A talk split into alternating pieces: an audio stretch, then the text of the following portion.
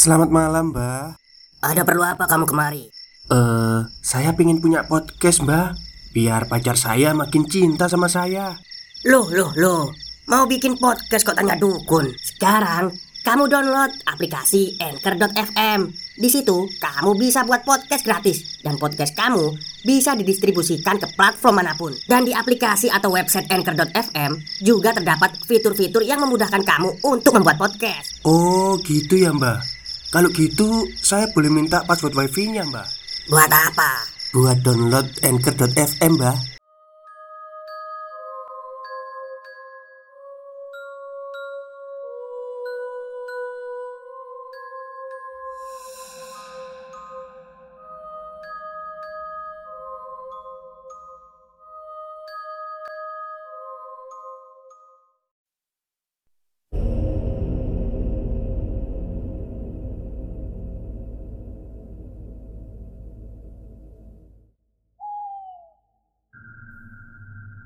Assalamualaikum warahmatullahi wabarakatuh. Halo semuanya. Jumpa lagi dengan saya Chow Sing Sing Kurator dari podcast Horror Night Story. Halo apa kabar semuanya? Semoga kalian semua sehat-sehat ya.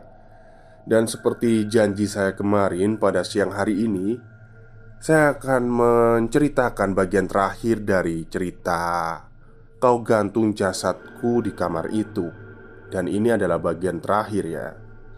Cerita ini ditulis oleh Mas Dio Seta Dan kalau kalian belum sempat uh, Biar nggak bingung Kalau mau dengar bagian ketiga ini Kalau bisa itu dengerin yang sebelumnya ya.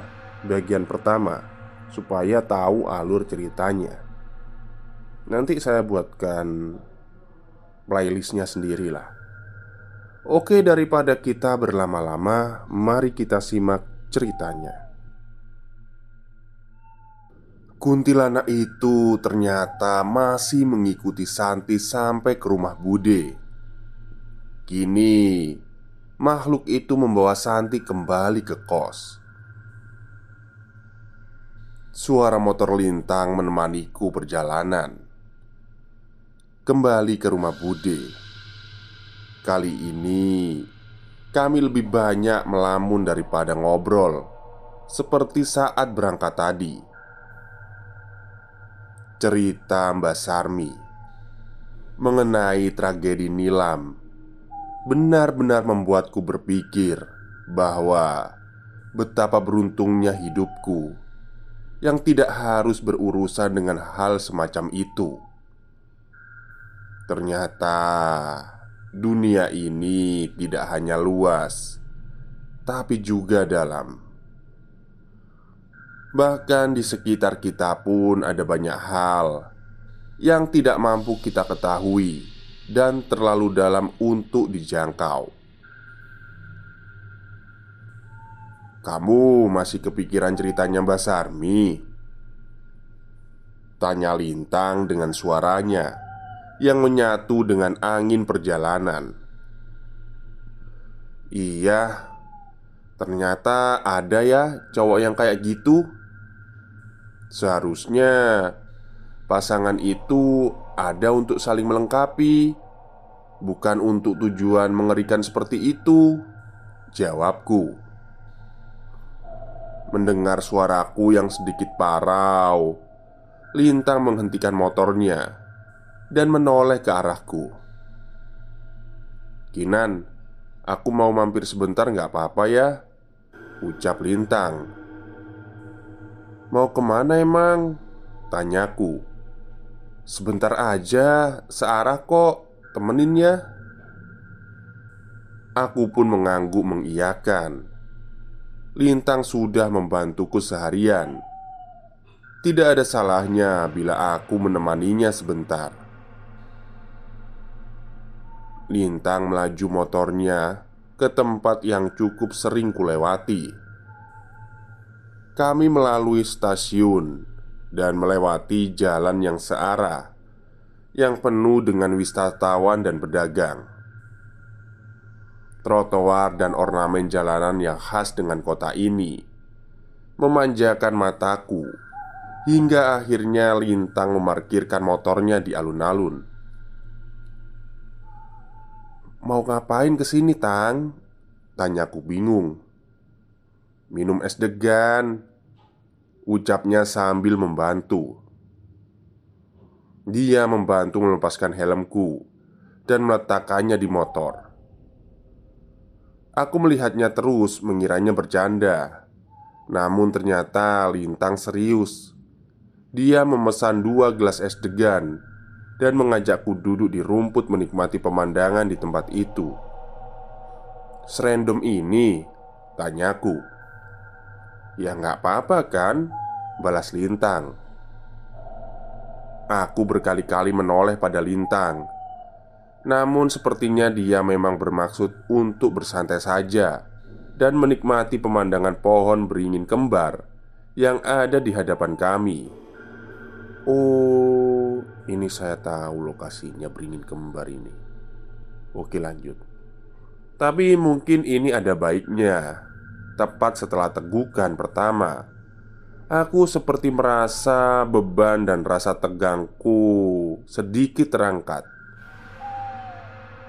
Awas betah Ucap Lintang menggodaku. Aku memukul lengan Lintang sekedar merespon ucapannya Kadang memang harus random ini. Gak harus ada rencana. Gak harus banyak yang dipikirin. Terlalu banyak hal yang bisa membuat kita tenang. Kita hanya perlu berhenti sebentar dan menarik nafas Untuk menyadari berbagai hal baik di sekitar kita. Aku mengangguk setuju Sambil menyeruput es degan di tanganku. Ih, Kok jadi melankolis gini sih? Tanyaku kali ini. Dengan sedikit senyum setuju dengan ucapannya. Ini namanya melankolis ya? Kalau aku nyebutnya ngaso. Balas Lintang yang sekali lagi membuatku tertawa. Lintang menyeruput es degannya lagi dan tiba-tiba Menarikku berdiri untuk mengikutinya. Ikut aku bentar Ucapnya. Ia mengarahkanku ke arah beringin kembar itu Dan mengambil slayer dari tasnya. Tang, jangan bilang. Shh, Udah ngikut aja Kamu juga penasaran kan? Pingin nyobain? Balasnya. Aku tertawa menutup mulutku Menanggapi kelakuan random si Lintang. Tapi dia benar dari dulu aku ingin mencoba mitos yang ada di alun-alun ini. Namun tidak pernah kejadian Karena aku memang pemalu. Tahu kan aturannya? Tanya si Lintang. Berdoa Ngucapin keinginan dan gak boleh ngintip. Dan jalan lurus melewati di antara dua pohon beringin itu. Ya, pinter. Jangan jauh-jauh, ucapku Tenang, aku ikutin terus kok dari belakang Ucap Lintang. Aku memulainya. Sepanjang jalan aku hanya tersenyum-senyum Dengan perbuatanku ini. Tapi setidaknya setelah ini Aku tidak penasaran lagi. Langkah demi langkah kuraba dan menghafal posisi di mana kedua pohon beringin itu berada. Namun, setelah beberapa lama, tiba-tiba Lintang memanggil. Eh, Kinan, mau ke mana? Terdengar suaranya sedikit tertawa. Aku membuka penutup mataku dan melihat ke depan. Rupanya posisiku saat ini sudah sangat melenceng jauh Hingga hampir menabrak sekumpulan orang. Aku hanya tertawa melihat kegagalanku ini dan berlari kembali menuju gelas es deganku yang belum habis. Namun, tepat sebelum sampai kembali, si lintang menarik tanganku lagi, tepat di tempat aku memulai tantangan ini tadi. "Sekali lagi ya," ucap lintang. Aku mencoba menolak, tapi lintang segera memakaikan penutup mata itu lagi padaku. "Udah ah, malu, Tang." Tenang, malunya bagi dua sama aku Ucap Lintang santai. Ini kenapa kok jadi adegan romantis?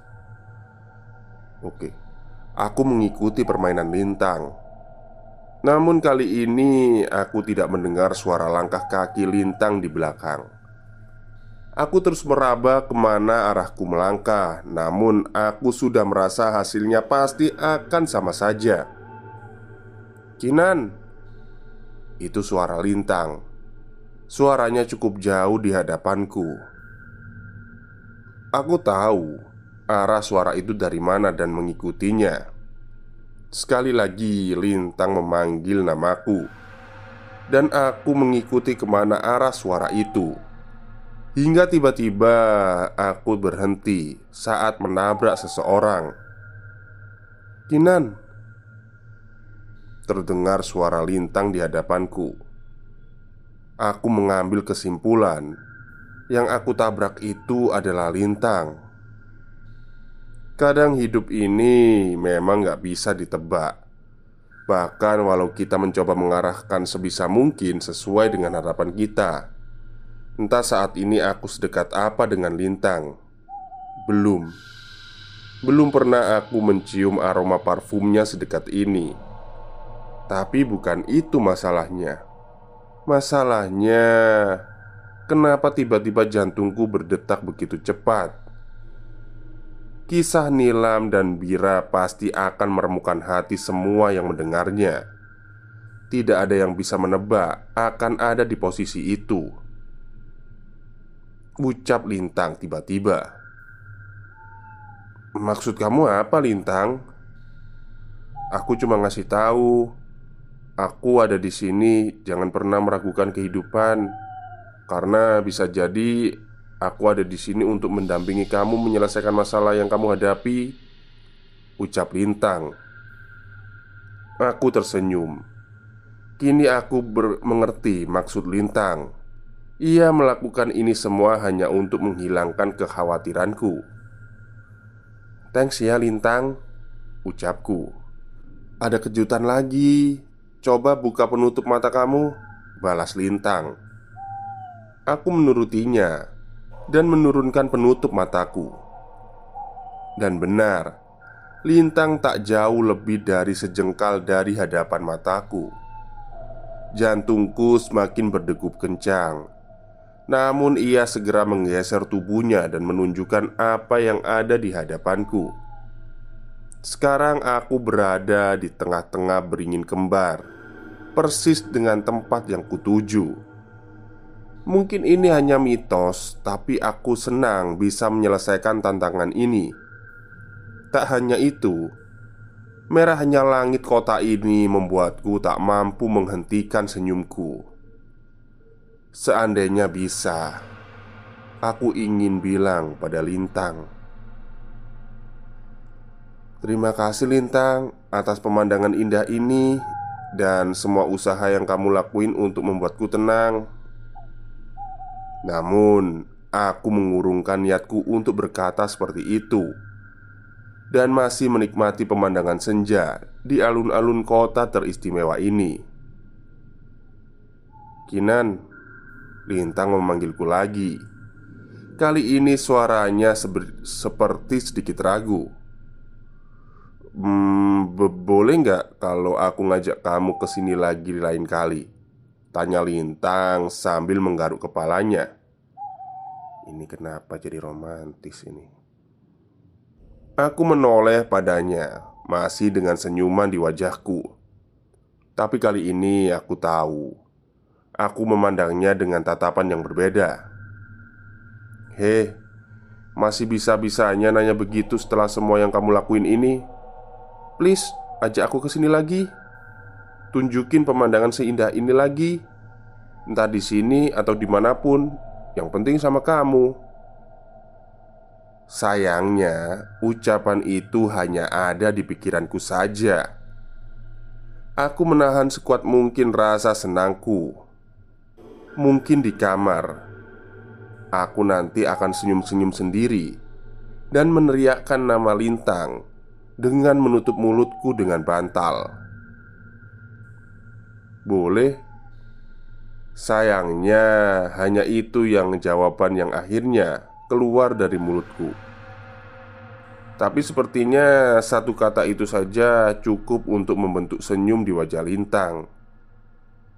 Merahnya langit senja menemani perjalanan pulangku menuju rumah Bude Kali ini ia tidak menurunkanku di minimarket Namun mengantarkanku hingga sampai di rumah Bude dan berpamitan.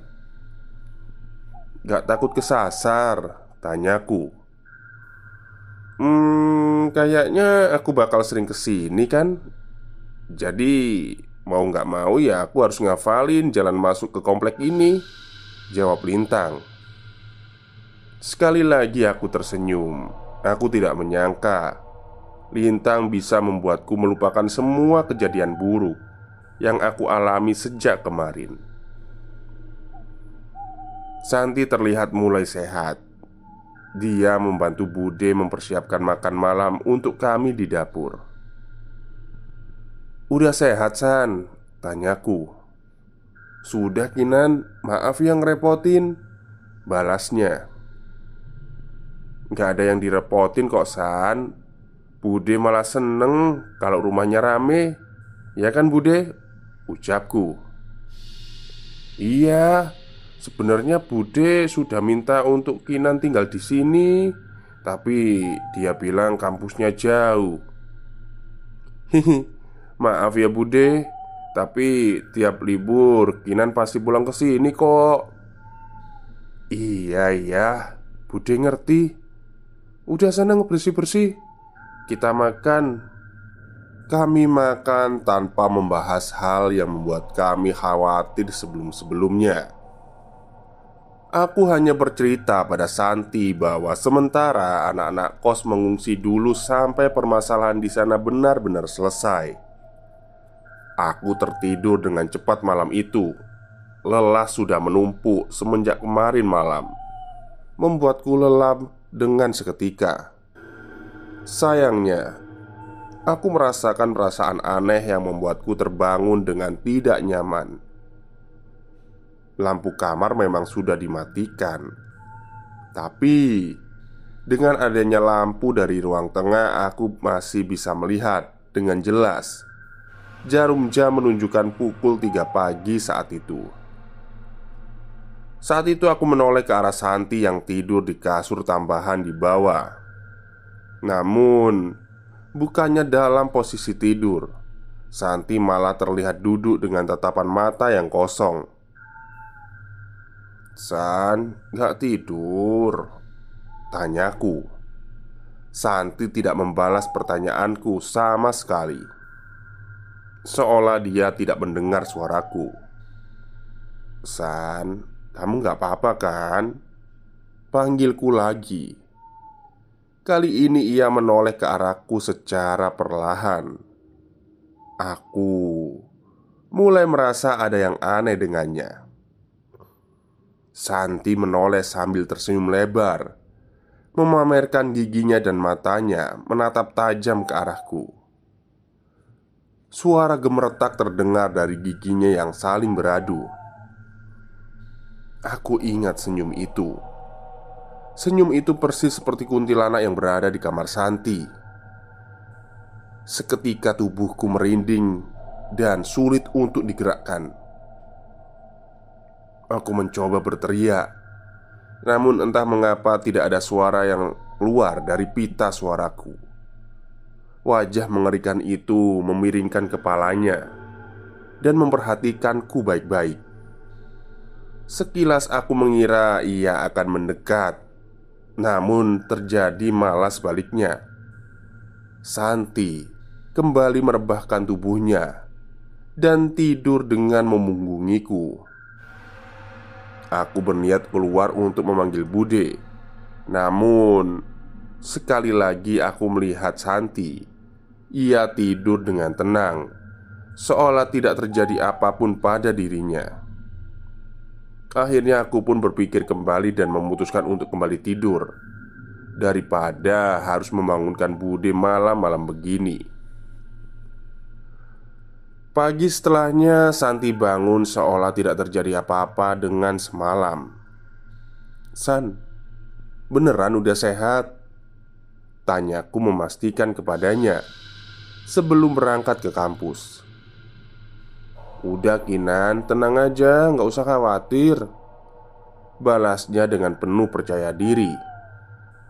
Melihat responnya, aku berusaha berpikir positif dan bersiap untuk berangkat ke kampus bersamanya menggunakan motor. Walaupun sudah tidak terlalu kepikiran, tapi aku masih sulit untuk berkonsentrasi menerima pelajaran di kampus saat ini. Apalagi saat teringat kejadian semalam. Ya, semoga saja tidak ada masalah dengan Santi setelahnya. Jam mata kuliahku dan Santi berbeda. Dia selesai duluan kami janjian jam 3 sore Bertemu di depan halaman kampus tempat kami biasa menunggu di kursi taman Naik apa ke sini? Tiba-tiba Lintang menghampiriku tepat setelah dosen keluar kelas Naik motornya Santi Paling dia sudah nungguin di depan balasku Tapi pulang ke rumah Bude kan? Gak ke kos Tanya Lintang dengan wajah yang khawatir Iya, tenang aja. Nanti kalau masalah kos udah diberesin sama Mas Danan, katanya Mas Wiro mau SMS aku. Jelasku sambil berjalan kaki menuju halaman depan. Motor kamu diparkir di belakang kan? Kok ikut ke depan? Tanyaku Ya elah Nggak peka banget nih cewek Ya nemenin lah kalau nggak bisa nganterin pulang ya nganterin sampai depan juga nggak apa-apa Jawab Lintang dengan santainya. Aku tertawa mendengar jawabannya. Aku sudah tahu maksudnya. Tapi kalau bisa mendengar langsung dari mulutnya itu rasanya sedikit berbeda. Aku sampai di halaman kampus sesuai waktu yang dijanjikan. Namun Santi tidak terlihat di sana. Beruntung ada Lintang yang menemaniku ngobrol dan mengusir kebosananku.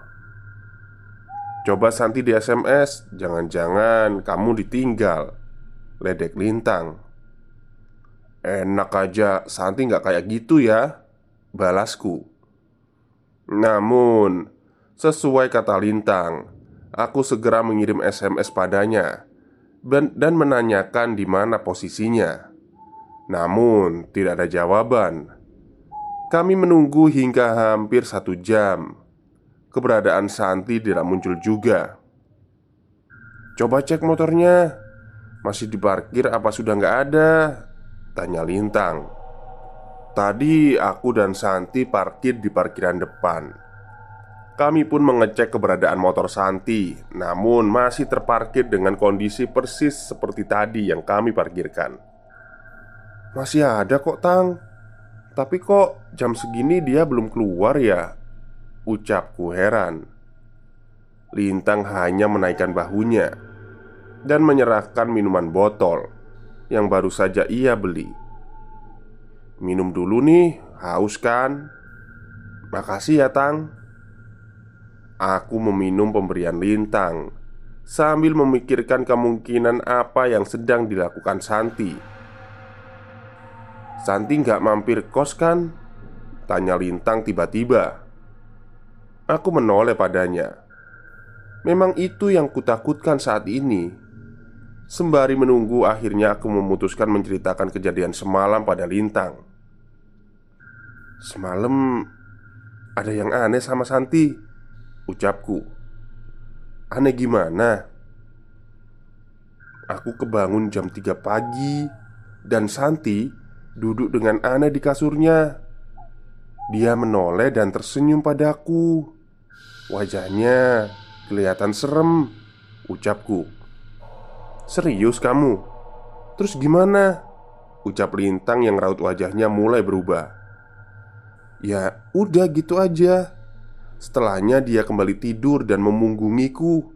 Paginya dia baik-baik aja. Seolah nggak terjadi apa-apa.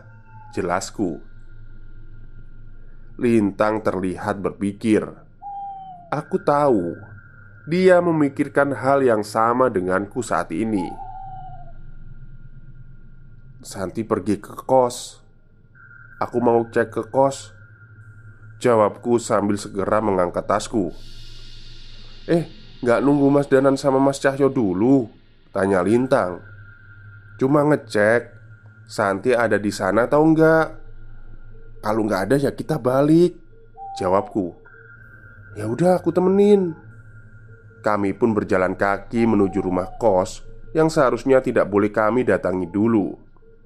Namun, rasa khawatirku akan Santi memaksaku untuk memeriksanya. Duh, kunci pagarnya kebuka Kinan Ucap Lintang Aku memperhatikan ke dalam rumah Terlihat pintu depan sedikit terbuka Seolah ada orang di dalam rumah ini Ada orang di dalam tang. Jangan-jangan itu Santi Ucapku. Kinan Jangan masuk. Beneran jangan masuk Ucap Lintang. Kali ini aku tidak mendengarkan ucapan Lintang. Rasa khawatirku pada Santi membuatku tidak berpikir panjang Dan masuk ke dalam rumah itu. Santi, kamu di dalam Teriakku. Tidak ada jawaban apa pun di dalam. Lintang terus menyusul dan ikut bergerak. Santi, kalau kamu di dalam jawab. Jawab Lintang. Namun tetap saja tidak ada jawaban. Aku menoleh ke arah jendela kamar Santi. Terlihat ada seseorang Mengintip dari celah gorden lalu menyingkir Ada orang di kamar Santi Ucapku Aku pun memberanikan diri untuk masuk Lintang yang sudah tahu tidak ada gunanya menahanku akhirnya ikut masuk juga untuk menemaniku. Suasana rumah masih sama seperti saat kami tinggal kemarin. Hari sudah sore hingga tidak banyak cahaya yang masuk ke rumah. Aku segera menyalakan lampu dan suasana di rumah menjadi lebih terang. San, Santi, Panggilku sambil mengetuk kamar. Santi Tidak ada jawaban sama sekali saat itu. Lintang mencoba memperhatikan semua sisi rumah Namun tidak ada tanda-tanda ada orang lain di rumah ini Kamar yang lain pun masih terkunci dari luar Tapi tidak dengan kamar Santi San, aku masuk ya Ucapku mencoba memastikan apakah ia ada di dalam. Mendengar ucapanku, Lintang langsung mendekat, berjaga-jaga seandainya terjadi sesuatu padaku. Stop, stop, kita break sebentar. Jadi, gimana? Kalian pengen punya podcast seperti saya? Jangan pakai dukun, pakai anchor, download sekarang juga gratis. Aku membuka pintu kamar Santi perlahan. Sekilas aku teringat sosok makhluk yang pernah ada di kamar ini saat aku dan Mas Danan menjemput Santi malam itu. Aku merasakan kegelisahan. Lintang segera menggenggam salah satu tanganku saat aku membuka pintu kamar Santi. Ternyata kosong, tidak ada siapa-siapa di kamar itu. Tapi aku yakin sekali Ada seseorang yang mengintip dari kamar ini Saat kami masih berada di luar tadi Gak ada siapa-siapa Kinan Ucap Lintang. Aku semakin bingung. Kalau Santi tidak ada di rumah Berarti dia di mana? Perlahan aku keluar meninggalkan kamar Santi. Lintang menutup kembali pintunya. Namun, sekilas aku kembali merasakan seolah ada sesosok wajah yang memandangku. Tepat sebelum pintu itu tertutup. Perasaan merinding kembali menyelimuti tubuhku. Seandainya lebih lama di sini, mungkin hal buruk akan terjadi. Kita cabut sekarang aja, Tang. Ucapku. Lintang setuju. Ia membiarkanku jalan di depan untuk meninggalkan rumah ini. Namun, sebelum sampai di pintu, aku mendengar suara dari kamar belakang. Ada suara, Tang. Ucapku. Iya, dari kamar belakang ya. Aku mengangguk. Kami pun mengurungkan niat kami untuk kembali dan berpikir untuk mengecek kamar belakang. Kinan Perasaanku gak enak. Kita cari orang lagi. Ajak Mas Wiro atau siapa? Lagian sudah mau maghrib ini. Ucap Lintang Sebenarnya aku setuju. Namun setelahnya terdengar suara seseorang melantunkan lagu Dengan menggumam dari kamar belakang. Entah mengapa aku merasakan bahwa itu adalah suara Santi. Itu Santi tang. Gak salah lagi Ucapku. Lintang menghela nafas mendengar reaksiku. Ya udah, kamu nunggu di sini. Gak akan aku biarin kamu masuk ke kamar itu lagi Ucap Lintang. Aku pun menuruti ucapan Lintang dan menunggu di dekat pintu rumah. Lintang sendiri Yang berjalan mengecek ke kamar belakang. Seiring dengan langkah kaki Lintang Tiba-tiba pintu kamar belakang terbuka perlahan Suara gumaman Santi terdengar semakin jelas. Aku melihat dari jauh sesuatu yang berada di kamar itu. Ternyata itu benar Santi, tapi dia berbeda.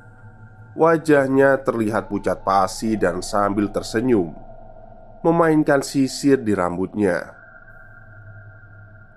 "San, kamu ngapain, San?" Lintang mencoba mendekati Santi, namun Santi tidak menjawab, dan dia malah tertawa kecil dan menataku dari celah pintu. "Lintang, dia kesurupan," ucapku. "Kita nggak bisa biarin dia kayak gini," ucap Lintang. Aku setuju dengannya. Lintang terlihat setengah mati melawan rasa takutnya dan membaca doa-doa yang cukup panjang. Aku tidak pernah menyangka di balik santainya seorang lintang. Ternyata dia cukup hafal untuk doa-doa panjang. Mendengar itu Mendadak wajah Santi berubah. Ia terlihat marah Dan menatap ke arah lintang. Santi berdiri dan bersiap menerjang lintang. Namun ia tertahan saat lintang kembali mengeraskan doa-doa yang ia baca Tinggalkan tubuh Santi.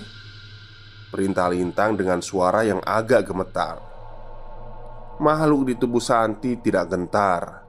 Ia terlihat tidak bisa mendekati ke Lintang Dan akhirnya berteriak dengan suara-suara aneh Dan mencakar-cakar tubuhnya sendiri. Bersamaan dengan itu tiba-tiba terdengar ada suara bergetar pintu.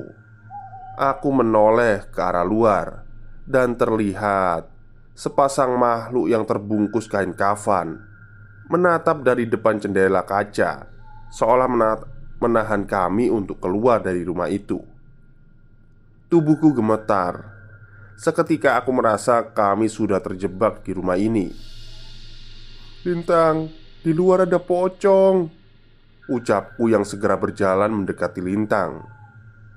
Makhluk di tubuh Santi semakin tersenyum melihat kami yang semakin takut. Tak cukup sampai di situ, tak jauh dari posisi Santi, tiba-tiba terdengar suara tangisan bersamaan dengan munculnya sosok wanita dengan wajah mengerikan, dengan tali menggantung di lehernya. "Itu itu rohnya Nilam?" tanya Lintang. Aku memperhatikannya lebih jelas. Semua yang terjadi pada roh itu persis sesuai dengan yang diceritakan Mbak Sarmi. Suasana tempat ini tidak pantas lagi disebut rumah. Saat ini, tempat ini lebih pantas disebut sebagai sarang makhluk halus Kita cari jalan keluar lain, Lintang. Ada pintu di belakang. Aku ingin menjawab, namun tiba-tiba suaraku tidak keluar. Tiba-tiba tubuhku panas dingin. Sesuatu seperti ada di sekitarku dan mengelilingiku. Samar-samar terlihat bayangan makhluk yang kulihat di kamar Santi di pikiranku. Aku menoleh pada Santi. Tiba-tiba ia terbaring lemah di lantai kamar dan berusaha untuk berdiri, seolah-olah dia mampu menguasai dirinya. "Lintang, tolong!" Aku ingin berkata seperti itu, namun kata-kata itu tidak keluar sama sekali. Anehnya, wajahku tersenyum sendiri dan mengeluarkan tawa yang aneh. Makhluk yang merasuki tubuh Santi kini mencoba memasukiku. "Kinan, kamu kenapa?" Lintang yang menyadari kondisiku segera menghampiriku. Wajahnya terlihat begitu khawatir. Aku berusaha menahan rasa takutnya dan membacakan doa sambil menggenggam tanganku. Aku terus membaca doa dalam hati berusaha bertahan agar makhluk ini tidak menguasai tubuhku.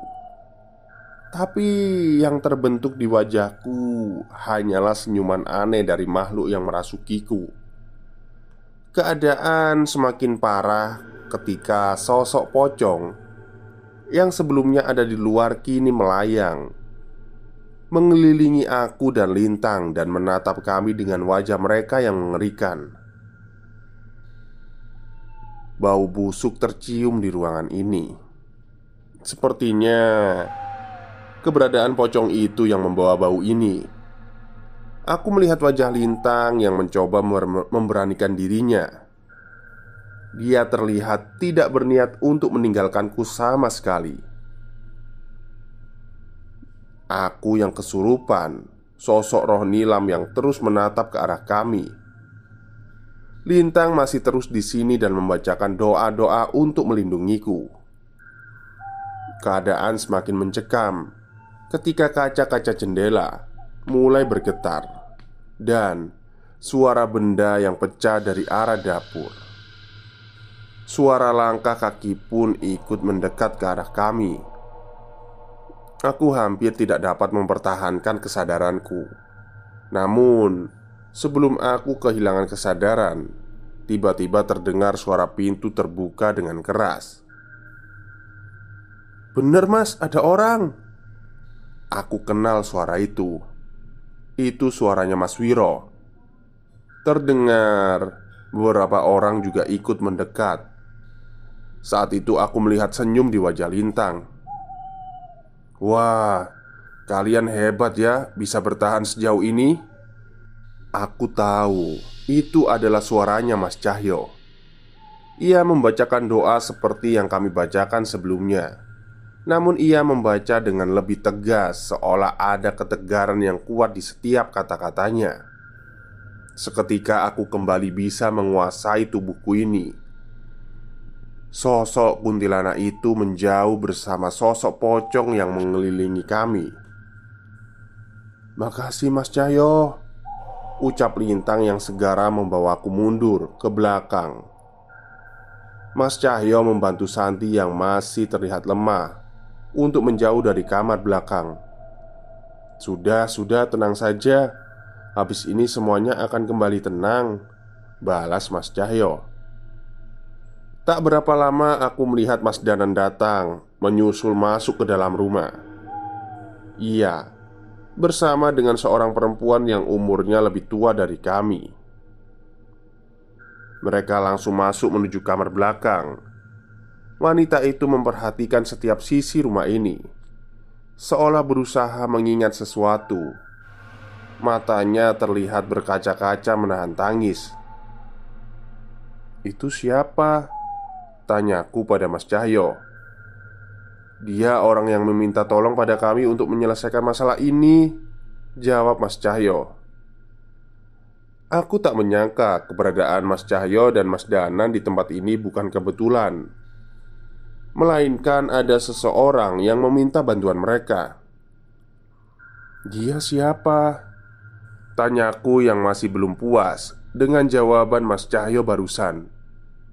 "Dia Mbak Vera." Mendengar jawaban Mas Cahyo, seketika aku dan Lintang menoleh ke arah kamar itu, menyaksikan apa yang ada di sana.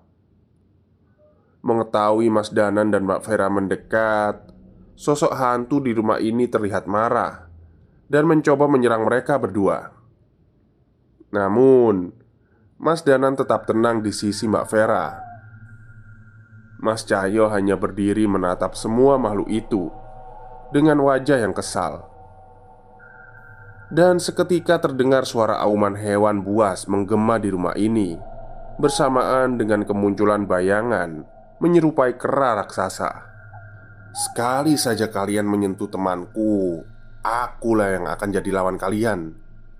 Mas Cahyo memberi ancaman Yang membuat semua makhluk di ruangan ini mundur. Aku takjub dengan apa yang ia lakukan. Makhluk yang sedari tadi membuatku dan Lintang dalam bahaya Bisa ketakutan hanya dengan keretakan Mas Cahyo. Nilam Ada yang mau ketemu Ucap Mas Danan. Sebuah doa dibacakan oleh Mas Danan Sambil menyentuh kepala Mbak Vera. Seketika Mbak Vera seperti melihat sesuatu. Maafin aku Nilam Suara Mbak Vera terdengar parau. Mencoba menahan tangis melihat sosok Nilam saat ini Aku udah ngebuat kami sampai sejauh ini Maafin aku Nilam Kali ini Mbak Vera tidak dapat menahan tangisnya Hingga air mata menetes di lantai rumah itu Mas Danan Mas bisa nolong Nilam kan? Apa yang harus saya lakukan supaya Nilam bisa tenang? Ucap Mbak Vera setengah memohon kepada Mas Danan Mas Danan tersenyum dan menatap ke arah Nilam. Nilam sudah memaafkan kamu sejak dulu Ucap Mas Danan. Maksud Mas Danan? Benar, aku tidak mengerti maksud Mas Danan. Kalau memang Nilam sudah memaafkan Mbak Vera Kenapa Nilam masih bergentayangan? Dan kenapa harus membawa Mbak Vera ke sini Roh Nilam tidak bisa tenang karena setan-setan yang dikirimkan melalui santet oleh keluarga Bira. Dia masih menahannya di sini. Mereka lah yang mengganggu penunggu kos dan membakar dendam roh Nilam. Jelas Mas Danan. Aku menoleh ke arah Mas Cahyo berharap ada penjelasan lain darinya Sebenarnya ini mudah untuk membersihkan sisa santet ini Setelah menemukan perantaranya Tapi Sebelum menolong mereka yang telah tiada. Lebih penting menolong mereka yang masih hidup Ucap Mas Cahyo Sambil mengarahkan matanya ke arah Mbak Vera. Roh Nila mendekat ke arah Mbak Vera. Mas Danan membacakan doa pendek Dan seketika Wajah roh Nilam berubah. Wajahnya terlihat cantik tanpa luka di wajahnya. Dendamku hanya pada Birah dan keluarganya. Aku ingin kamu tahu bahwa aku tidak menaruh dendam padamu. Kita teman Jadi jangan merasa bersalah lagi. Itu yang mau Nilam sampaikan Ucap Mas Danan. Seketika raut wajah Mbak Vera berubah. Setelah semua yang aku lakuin, lakuin Kamu masih nganggep aku temen Ucap Vera Roh Nila mengganggu sambil tersenyum. Sekali lagi air mata Vera tertumpah Dengan suara tangisan yang memenuhi ruangan. Semua yang ada di ruangan ini pasti merasakan sakitnya beban Mbak Vera yang ditanggung selama ini. Mbak Vera sebelumnya sudah mau bunuh diri. Rasa bersalah menghantuinya bahkan walau sudah terlewat sebertahun-tahun. Ucap Mas Cahyo Dan akhirnya aku mengerti Tujuan utama Mas Danan dan Mas Cahyo adalah menyelamatkan Vera dari rasa bersalah yang menghantuinya. Sudah, Mbak Vera, kita anterin Nilam supaya bisa tenang ya. Ajak Mas Cahyo. Mbak Vera pun mengangguk dan Mas Danan memimpin untuk membaca doa. Kami pun mengikutinya dengan harapan setiap doa kami bisa menghantarkan Nilam untuk beristirahat dengan tenang. Perlahan roh Nilam menghilang dari kamar belakang dan menyimpan banyak cerita mengerikan itu. Aku mengenarik nafas lega, mengetahui akhirnya masalah Nilam bisa selesai. Mas Wiro, Mas Lintang, bisa bantu bawa mereka ke tempat yang aman dulu? Masih ada yang harus kami selesaiin di sini. Ucap Mas Cahyo Mereka menyanggupi dan membawa aku, Santi, dan Mbak Vera Untuk menunggu di angkringan Mas Wiro. Tepat sebelum meninggalkan rumah itu sekali lagi aku memperhatikan sekeliling rumah ini. Mungkin saja Mas Cahyo dan Mas Danan ingin membersihkan sisa-sisa santet Yang dulu dikirimkan Bira dan keluarganya ke rumah ini. Aku menoleh terakhir kali ke arah dua pemuda itu. Seingatku, saat masuk tadi aku tidak melihat Mas Danan membawa benda apa pun. Tapi tiba-tiba, kenapa sekarang ada sebilah keris di genggamannya? Mas Wiro menyajikan beberapa gelas teh hangat untuk kami. Sebagian posisi tenda ditutup agar tidak ada pengunjung yang datang selain kami. Setidaknya, Sampai kami semua tenang Mas Wiro, pisang gorengnya sebakul ya Terdengar suara Mas Cahyo yang memasuki tenda Sebakul? Itu perut apa gudang sembako? Ledeknya Mas Danan membalas ucapan Mas Cahyo Ternyata tidak butuh waktu lama untuk mereka menyusul kami ke sini. Mereka datang dengan santai Seolah tidak ada luka dan kejadian besar sebelumnya Sudah beres semuanya mas? Tanya Mas Wiro Mas Cahyo duduk di dekat Mbak Vera dan melepaskan sarung yang hampir tidak pernah lepas dari bahunya Ia menunjukkan beberapa benda dari balik sarung itu Ini perantara santet yang dikirimkan oleh Bira Ucap Mas Cahyo Aku berdiri dan memperhatikan benda itu. Ada sebuah kain kafan dengan tanah kuburan di dalamnya. Sebuah tusuk konde yang terbuat dari kuningan dan benda-benda lainnya berupa kertas dengan berbagai tulisan. Melihat benda itu saja aku sudah merinding. Bukan karena bentuknya yang menyeramkan, tapi karena masih ada manusia yang memiliki hati jahat untuk memanfaatkan benda-benda dan ilmu seperti itu. Mas Danan, berarti kosnya sudah aman untuk kami tinggali. Kita bisa tidur di sana lagi malam ini. Tanyaku memastikan. Sudah sih, tapi jangan lupa terus berdoa supaya rumah kos itu dijauhi sama roh atau makhluk halus yang berniat buruk. Jawab Mas Cahyo. Berarti sudah nggak ada makhluk halus di rumah itu dong Kata Santi ikut memastikan Ya bukan nggak ada Tapi udah nggak ada yang akan mengganggu lagi Penunggu asli rumah itu masih di sana kok Jelas Mas Danan Ingat sosok yang menyerupai Mbak Rini Yang memperingatkan Mbak Kinan sebelum kejadian kemarin Nah itu, itu itu penunggu rumah yang mencoba melindungi kalian. Ya, aku memang teringat kejadian itu. Seandainya itu memang benar, semoga saja keberadaannya tidak bersinggungan denganku dan penghuni kos yang lain. Malam itu aku dan Santi memutuskan untuk kembali tidur di kos dan memberi kabar ke Bude. Hampir semua yang diucapkan Mas Danan benar rumah ini kembali nyaman, persis seperti alasan awal aku memilih tempat ini untuk ditinggali.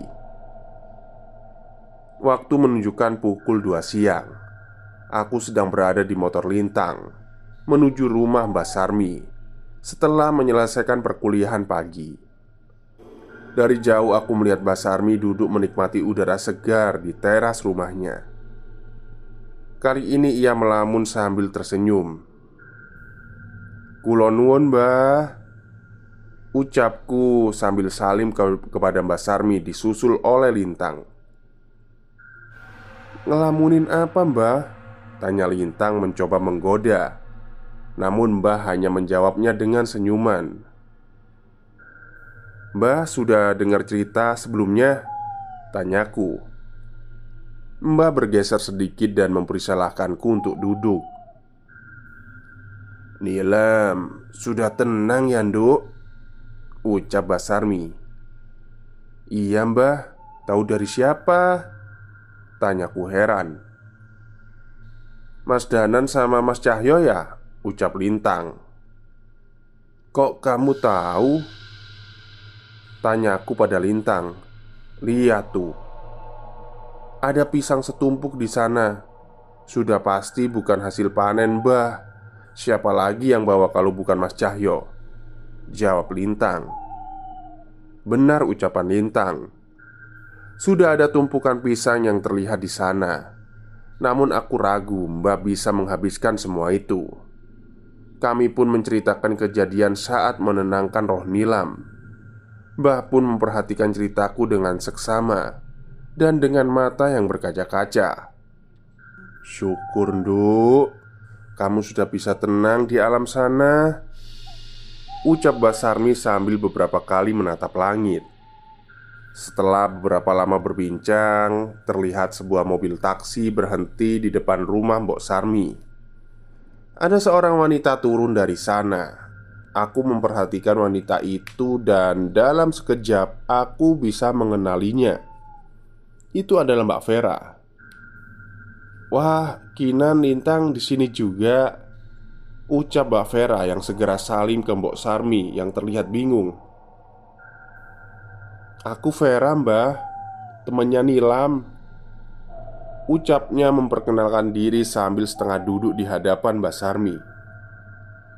Mbak Sarmi mencoba mengingat dengan cukup lama. Hingga akhirnya dia tersenyum dan mengelus-ngelus rambut Mbak Vera. Ya ampun duk. Sudah lama banget. Kenapa baru mampir ke sini? Ucap Mbah.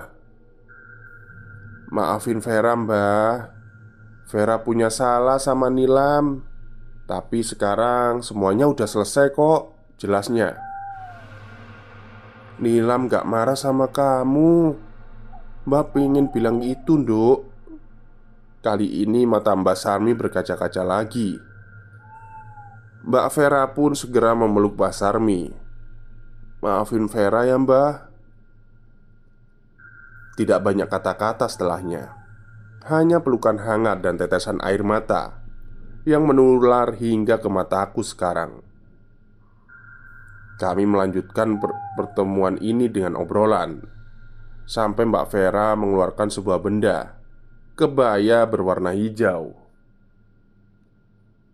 Bah, Dulu Nilam pernah bilang ke Vera Dia bilang pengen beliin mbah kebaya warna hijau Katanya buat dipakai ke hajatan-hajatan kampung. Ini sekarang Vera bawain Ucap Mbak Vera. Loh Nila masih inget tondo Ucap Mbak Vera Ucap Mbak Sarmi sambil tersenyum. Mbak Vera hanya mengangguk mengiyakan. Sementara Mbah sudah memeluk kebaya hijau itu dengan wajah yang sumringah.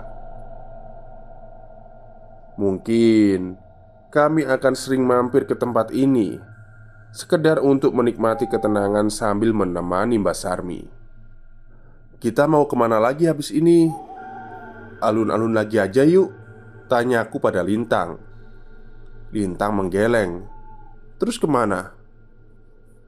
Ke tempat yang seru tapi agak jauh Kamu siap gak?